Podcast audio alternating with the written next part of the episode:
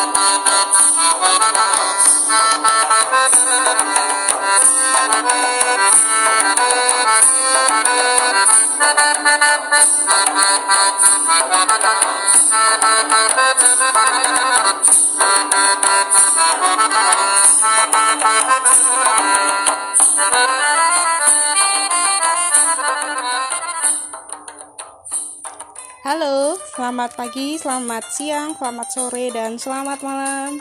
Jumpa lagi di hari Sabtu ini. Kita akan bercerita dari daerah Sumatera Barat yang berjudul Legenda Siamang Putih. Langsung saja ya.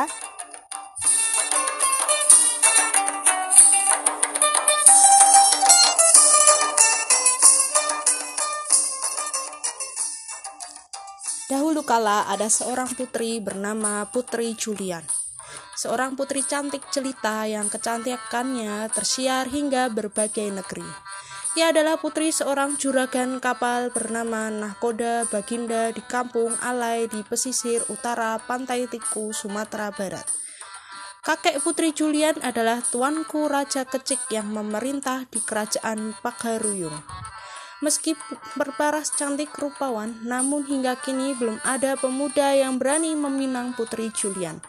Penyebabnya adalah status Putri Julian yang merupakan putri saudagar kaya dan masih keturunan bangsawan kerajaan Pagaruyung. Para pemuda di kampung Alai dan kampung-kampung sekitarnya biasanya hanyalah berprofesi sebagai nelayan sehingga tidak berani meminang Putri Julian.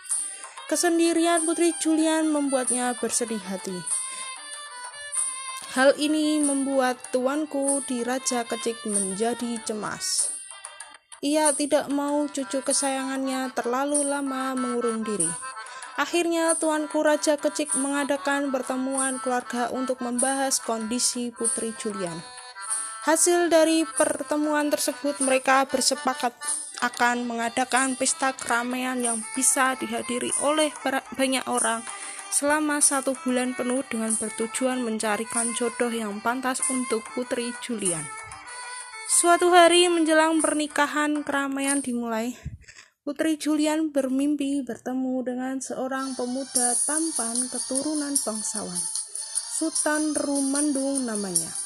Putri Julian jatuh cinta kepada pemuda yang hadir di dalam mimpinya. Ia kemudian menceritakan mimpinya kepada kedua orang tuanya dan kakeknya. Mendengar penuturan cucunya, segera saja Tuanku Raja Kecik memerintah kepada pengawal istana untuk mencari pemuda keturunan bangsawan bernama Sultan Rumandung pada saat pesta keramaian berlangsung. Namun selama satu bulan penuh pesta keramaian berlangsung, pemuda bernama Sultan Rumandong tidak juga ditemukan. Tidak kehabisan akal demi kebahagiaan cucunya, Tuanku Raja Kecik meminta ahli nujum di istana untuk mendatangkan Sultan Rumandong ke kampung Alai di mana pun ia berada. Dengan kesaktian yang dimiliki oleh para ahli nujum, entah bagaimana caranya akhirnya Sultan Rumandong datang ke kampung Alai.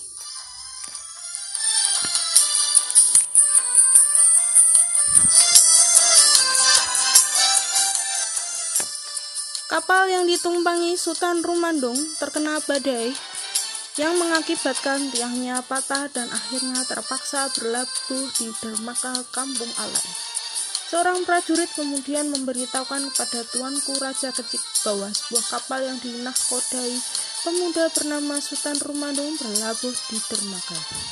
Tuanku Raja Kecik tentu saja gembira dan meminta para prajurit untuk membawa Sultan Rumandong ke istana. Beberapa prajurit kemudian membawa Sultan Rumandong ke istana. Tuanku Raja Kecik bersama keluarga istana dan tentu saja Putri Julian menyambutnya dengan baik. Saat melihat pemuda tampan itu, jantung Putri Julian berdetak kencang. Karena pemuda di dalam di hadapannya itu adalah yang hadir dalam mimpinya. Putri Julian kemudian memberitahu kedua orang tua dan kakeknya bahwa pemuda itulah yang bernama Sultan Rumandung. Ibu Putri Julian kemudian meminta pemuda tampan tersebut untuk memperkenalkan dirinya. Si pemuda kemudian menjelaskan bahwa ia pernah masuk Sultan Rumandung yang terpaksa melabuhkan kapalnya di dermaga Kampung Alai. Ia juga menjelaskan bahwa dirinya adalah seorang saudagar dari negeri seberang. Tidak menunggu lama, Tuanku Raja Kecil kemudian menawarkan kepada Sultan Rumandung untuk menikahi cucunya Putri Julian. Sultan Rumandung tentu saja bersedia menikah dengan putri cantik Julian. Hanya saja ia meminta izin untuk mencari harta lebih banyak lagi sebelum menikahi Putri Julian. Ia mengaku saat ini perniagaannya tengah merugi, jadi ia merasa belum pantas menikahi Putri Julian. Tuanku Raja Kecil pun memaklumi hal tersebut. Sebelum pergi meninggalkan kampung Alai untuk melanjutkan perniagaan, Sultan Rumadung dan Putri Julian pun bertunangan.